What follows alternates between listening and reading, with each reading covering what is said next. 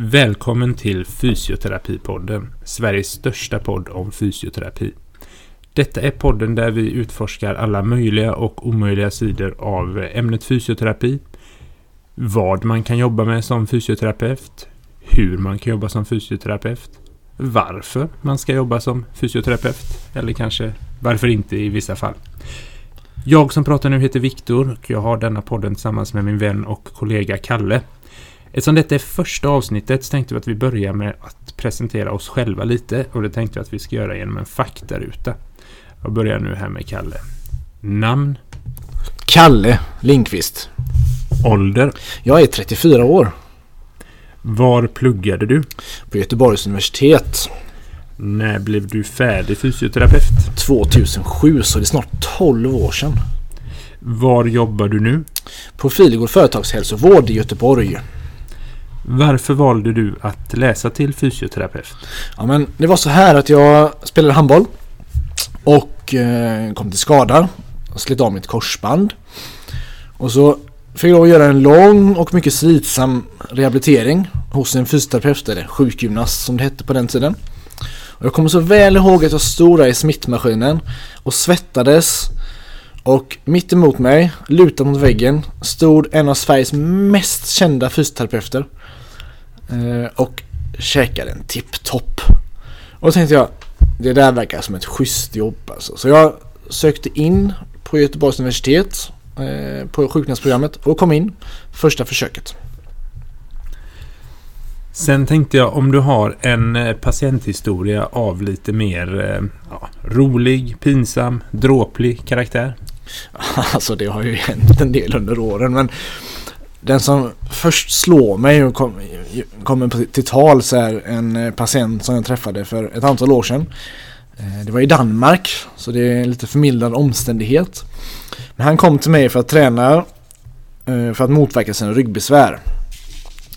Och en dag när han kom till mig så sa han att Kalle vet du vad? Jag har bestämt mig för att göra en tarmsköljning. Ja, ja, tänkte jag. tänkte inte mer på det utan skickade iväg honom till gymmet och övervakade hans träning så att han tog i ordentligt. Och sen bokade ett återbesök och när han dök upp på det här återbesöket någon vecka senare så tog han fram någonting ur sin väska och jag tänkte åh, kolla vet du, han har med sig en present till mig. Det han har gjort pesto.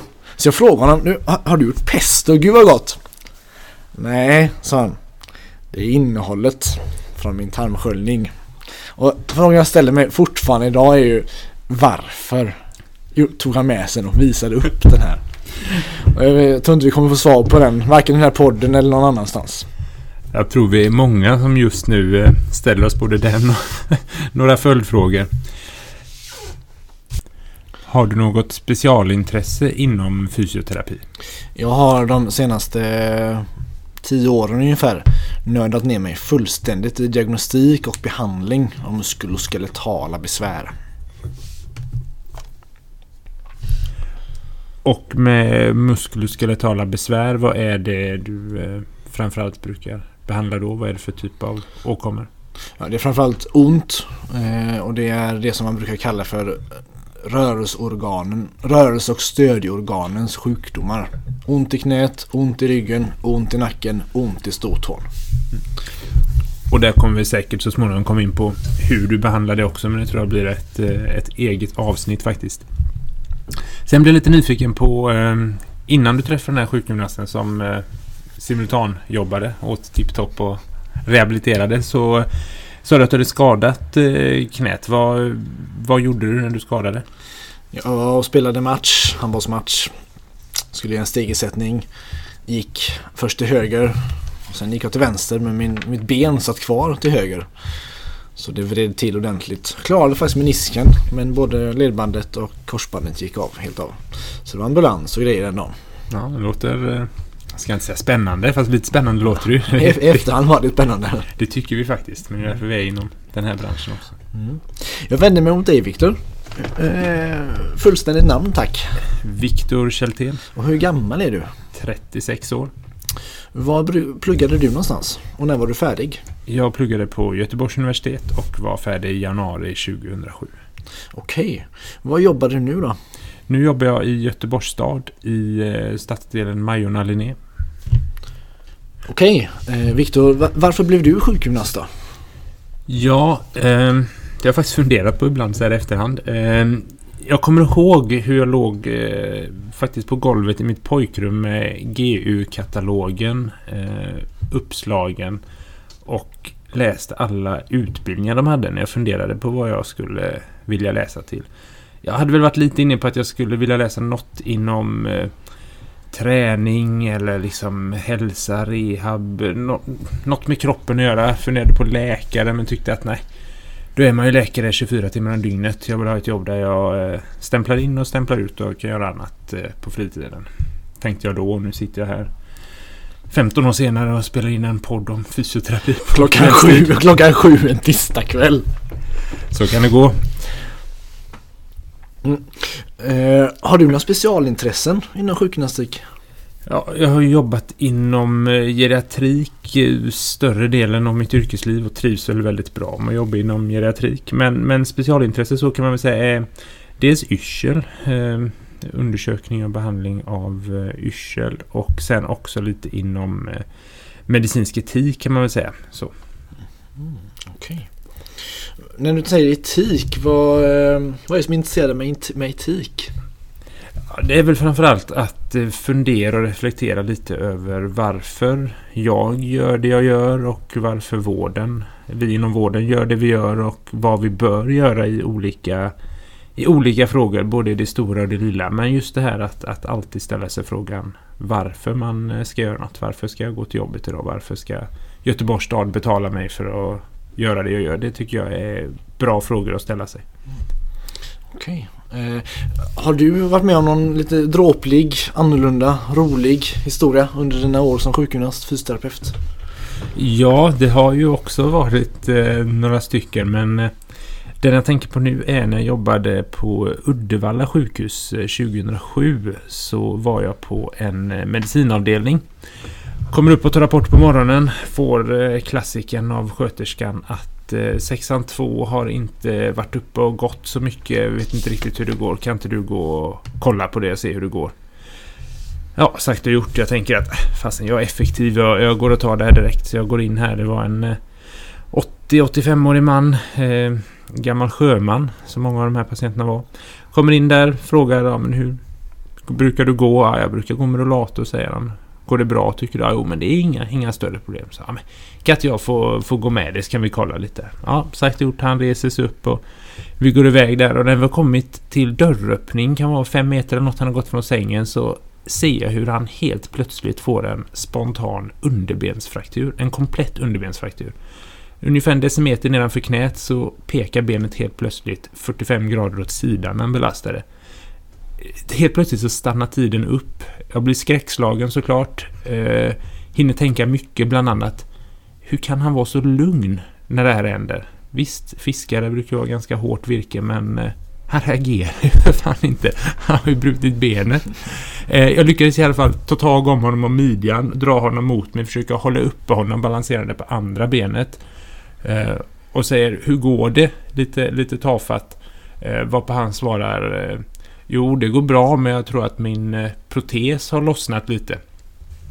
Det visade sig att han hade ju en underbensprotes som, som inte satt fast ordentligt, som hade lossat.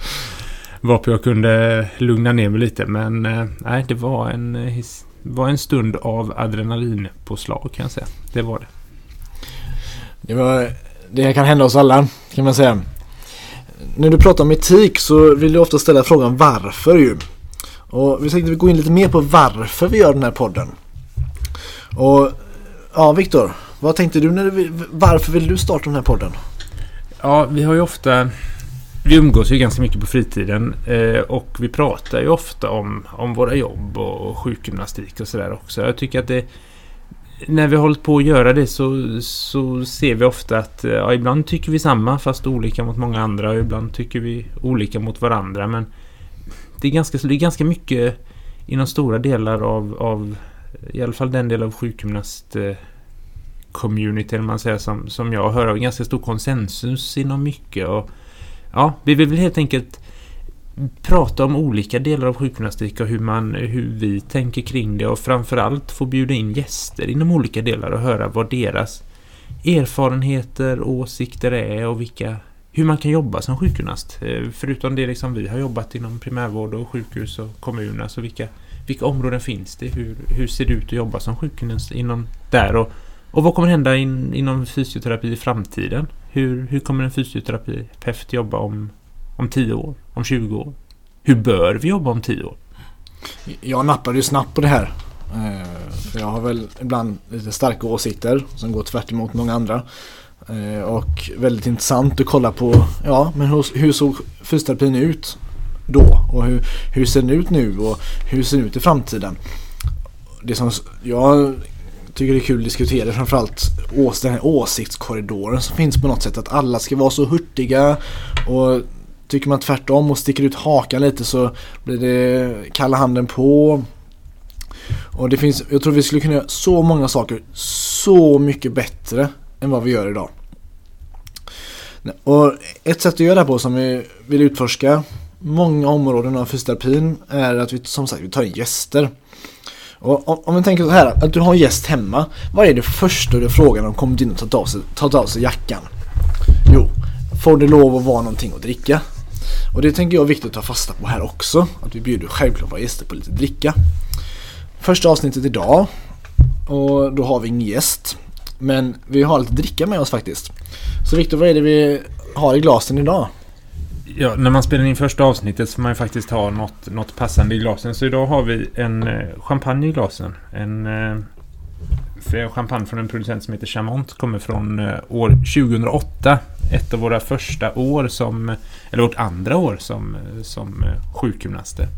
Om ni följer oss på Facebook så kommer ni kunna se en liten video eller höra en liten snutt i alla fall där vi, där vi faktiskt pratar lite om vad vi gjorde just just 2008. Eh, så det kommer vi göra. Vi kommer försöka ha ett, ett blandat eh, drickutbud och framförallt kanske försöka hitta något att dricka som på något sätt eh, passar, som vi tror gästen kommer tycka om eller som knyter an till något vår gäst har gjort. Eller, vi kommer nog försöka hitta någon sorts koppling som vi mer eller mindre skohornar in. Det, det får framtiden utvisa. Och vad skulle du säga om den här champagnen då? Ja, jag tyckte att först och främst att det var en väldigt god champagne. Som, som mycket champagne är. Den var väldigt fruktig, frisk. Sen är den 11 år gammal så den börjar få lite, lite mognadstoner med lite sådär honung och rostat bröd och sånt gott. Jag, jag är väldigt intresserad av vin så jag kan ju sitta och eh, lukta på en sån här champagne i timtal. Men det, det, tror jag inte jag ska göra nu och bara sitta och bre ut mig om, om den. Det var det som slog mig också med den här champagnen. Att den var väldigt komplex. Jag tycker att det spänn, doften, smaken spänner allt från hav, skaldjur till brän, lite halvbränt bröd fast fortfarande, fortfarande på rätt sida rostat bränt till väldigt fruktig och frisk. Så ja, väldigt bra champagne. Bra start på detta segment om vad vi dricker varje, varje poddinspelning. Mm. Jag tänkte nu lite på idag. Eh, vi sitter ju faktiskt och spelar in den här på, på din eh, arbetsplats, Kalle, här på kvällstid. Eh, tackar vi för att vi får låna lokaler som vi hoppas håller hyfsat eh, audio, hyfsad ljudkvalitet eh, utan allt för mycket störljud i bakgrunden. Men jag tänker så här, just, just nu i din kliniska vardag som den ser ut, vad, vad skulle du vilja göra annorlunda eller hur skulle du vilja förändra den för att få det precis som, som du vill ha? Mm. Det är framförallt två saker som jag tänker på. Och det är dels att när vi får en beställning till oss, vi jobbar inom företagshälsovården, så våra kunder är olika företag. Och till exempel säga Göteborgs universitet som är en av våra största kunder.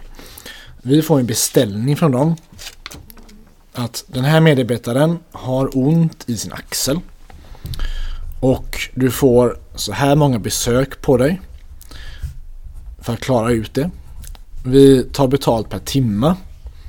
Vilket gör att kostnaden för det vi utför är ganska så osäker i början. Det kan ta allt från ett, två besök till några som ibland går sju, åtta besök. Det ska sägas att vi är ganska effektiva mot vad vi hört på andra ställen. Så vi har inga som går i 15-20 behandlingar. Men det är ändå skillnad på att gå två besök och gå 10 besök. Och jag tror att om vi hade kunnat istället sälja ett paket, det vill säga att komma till en fysioterapeut, få ditt problem löst eller bli skickad vidare dit du kan få problemet löst, kostar den här summan pengar. Rättvis mot alla. Vi vet hur mycket pengar vi får in och arbetsgivaren som är en kund vet hur mycket som, de, som det kommer kosta. Det är, en sak, det är faktiskt något som vi pratade lite också om. Att när jag började företagshälsovården så fick jag lära mig lite om att värdesätta det jag faktiskt gör. Om du tänker att du jobbar inom primärvården, där jag jobbat tidigare, och då betalar patienten 80 kronor för att komma på ett besök. 80 kronor. Och då får han träffa en specialist inom rörelseorganens sjukdomar. När en patient kommer till mig så betalar de en timtaxa. Och då, det har fått mig i alla fall att fakturera så pass mycket för det jag gör. På ett sätt att värdesätta det jag gör att det här är faktiskt expertkunskap som inte kan köpas någon annanstans. Och det är något som har stärkt mitt eh, självförtroende i min yrkesroll. Det var lite sidospår. Eh, det andra, utöver den här fasta kostnaden som tycker att vi ska ha, är att jag tycker, eftersom våra, min, mitt uppdrag är ju inte att skapa hälsa för medborgarna som det var när jag jobbade inom primärvården och Västra Götalandsregionen var min arbetsgivare utan nu är mitt uppdrag att dels att tjäna pengar till eh, min arbetsgivares aktieägare och att få mina patienter att jobba. Eftersom arbetsgivaren är vår kund, de betalar mig för att jag ska få medarbetarna att kunna jobba i så stor utsträckning som möjligt. Även om de är sjuka, har ont och så vidare. Och om man ska betala för någonting så vill man gärna veta vad man får. Och så länge som jag inte kan visa det och berätta det för arbetsgivaren så kommer arbetsgivaren, alltså min kund, eh, ställa sig frågande till varför de ska köpa det som jag levererar. Tänk dig själv, du går in i en, eh, en affär och ska köpa en ny dammsugare. Och så finns det fem olika dammsugare. Och du märker, och så frågar du eh, vilken dammsugare är bäst? Och så säger försäljaren, det vet jag inte. Okej, okay. ska du köpa den för 1000 kronor eller för 5000? Ja. Om du någon, gör du ingen research själv så tar du förmodligen den som är billigast. Men om säljaren säger och har, kan visa upp siffror på det att vet du vad? Köper du den här för 5000 så får du den absolut bästa och du halverar din dammsugningstid. Ja men då är valet enkelt. Vem vill stå och dammsuga dubbelt så lång tid? Lätt värt 4000. Så det jag vill förändra mycket är att jag vill kunna visa att vi gör, att vi gör nytta. Att vi har en effekt det vi faktiskt utför som fysioterapeuter. Eh, jag tror att vi framöver annars kommer få det svårt att överleva som profession faktiskt. Om vi inte kan visa att vi gör nytta och effekt. Gärna också ska det vara kostnadseffektivt. Men vi jobbar på det och vi hoppas inom några år kunna presentera sådana resultat. Men det får framtiden utvisa. Vad tror du Viktor? Nytta och effekt inom fysioterapi? Ja, det är ju mycket av det du säger som jag är väldigt nyfiken på. Men till exempel är det så att när, när du fick sätta en, en väldigt mycket högre prislapp på, på vad du gör jämfört med innan så kände du en ökad en stolthet och, eh, och liksom självförtroende och självsäkerhet inom, inom det som fysioterapeut. Fick det dig också att känna någon större press på att patienten faktiskt skulle bli bra eller en större liksom en större press att prestera att nu, nu måste jag verkligen visa det här. Att det fanns någon sån aspekt av det också. Så var det absolut i början och det tror jag att alla som kommer hit nya eh, upplever också. Men detta gick ganska fort över och efter ett år så blev jag trygg i att den expertkunskap jag levererar är tillräckligt bra för det här priset. Och så kan jag inte glömma när min egen tvättmaskin gick sönder och det kom ut en gubbe och sa att nej, den kan inte laga. Och så åkte han hem igen och fick betala 900 spänn för det. Så efter det så... Så kände du att det var värt 80 jag borde ha subventionerats av Västra Götalandsregionen. Men det är värt att tänka på för alla, alla där ute som tar 80 kronor betalt som ni ska. Jag tycker inte det ska vara dyrt för den enskilda patienten att komma heller. Men det är värt att tänka på att det ni gör, det är värdefullt. Även om det inte alltid är patienten som betalar. Nej, precis. Och även om inte, inte Jag tänker att även om man jobbar, jobbar på en privat mottagning men inom primärvård så har man ju att, att patient, om man är ansluten till ja, vårdval rehab som det är här i Västra Götalandsregionen. Att man betalar 80 kronor som patient men att, att landstinget betalar resten då så är det ju är det ju ändå kanske inte riktigt samma taxor som inom eh, företagshälsovården. Men jag tänkte på det här med att, att, att kunden, alltså företagen som anlitar er som företagshälsovård, de, de beställer sjukvård om man säger så, eller beställer en rehabiliterande insats av er.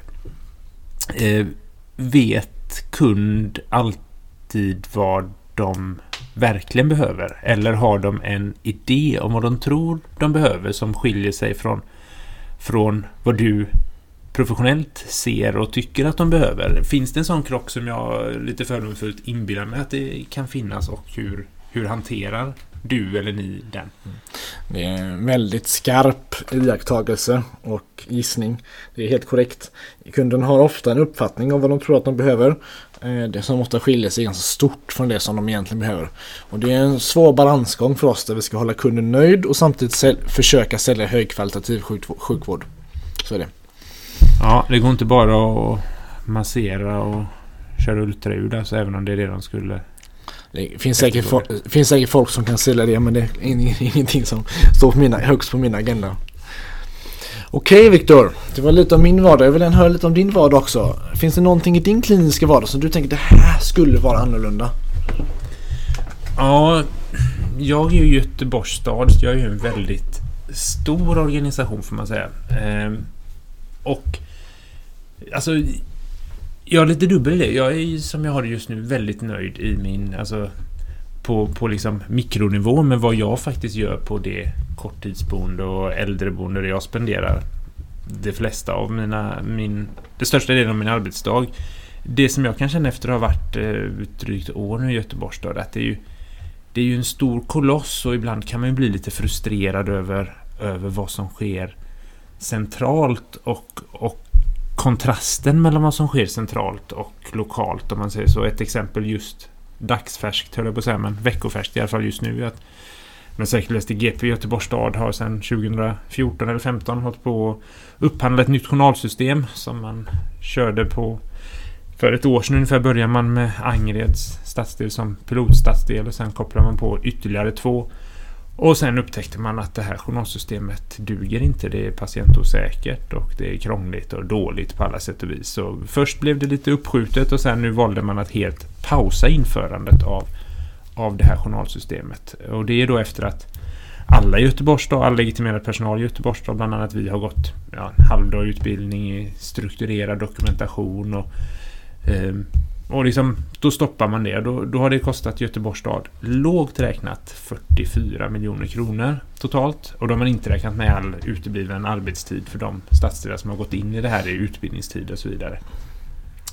Och det kan vara hänt, men då har man det samtidigt som det är sparkrav och de drar ner lite på bemanning och sådär. Så den, den dubbelheten att det är en så stor organisation så att man inte kan riktigt påverka man kan inte alltid påverka omständigheterna man verkar i ut, på liksom lite större nivå utan bara på liten. Det kan vara Ibland kan jag känna att oh, det hade varit gott att ha lite större påverkansmöjligheter på, på det stora.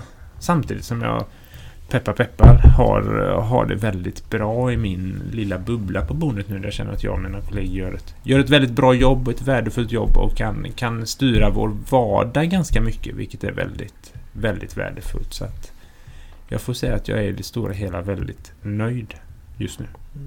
Det är väldigt kul, väldigt kul att höra. När du säger att eh, det kostar 44 miljoner lågt räknat.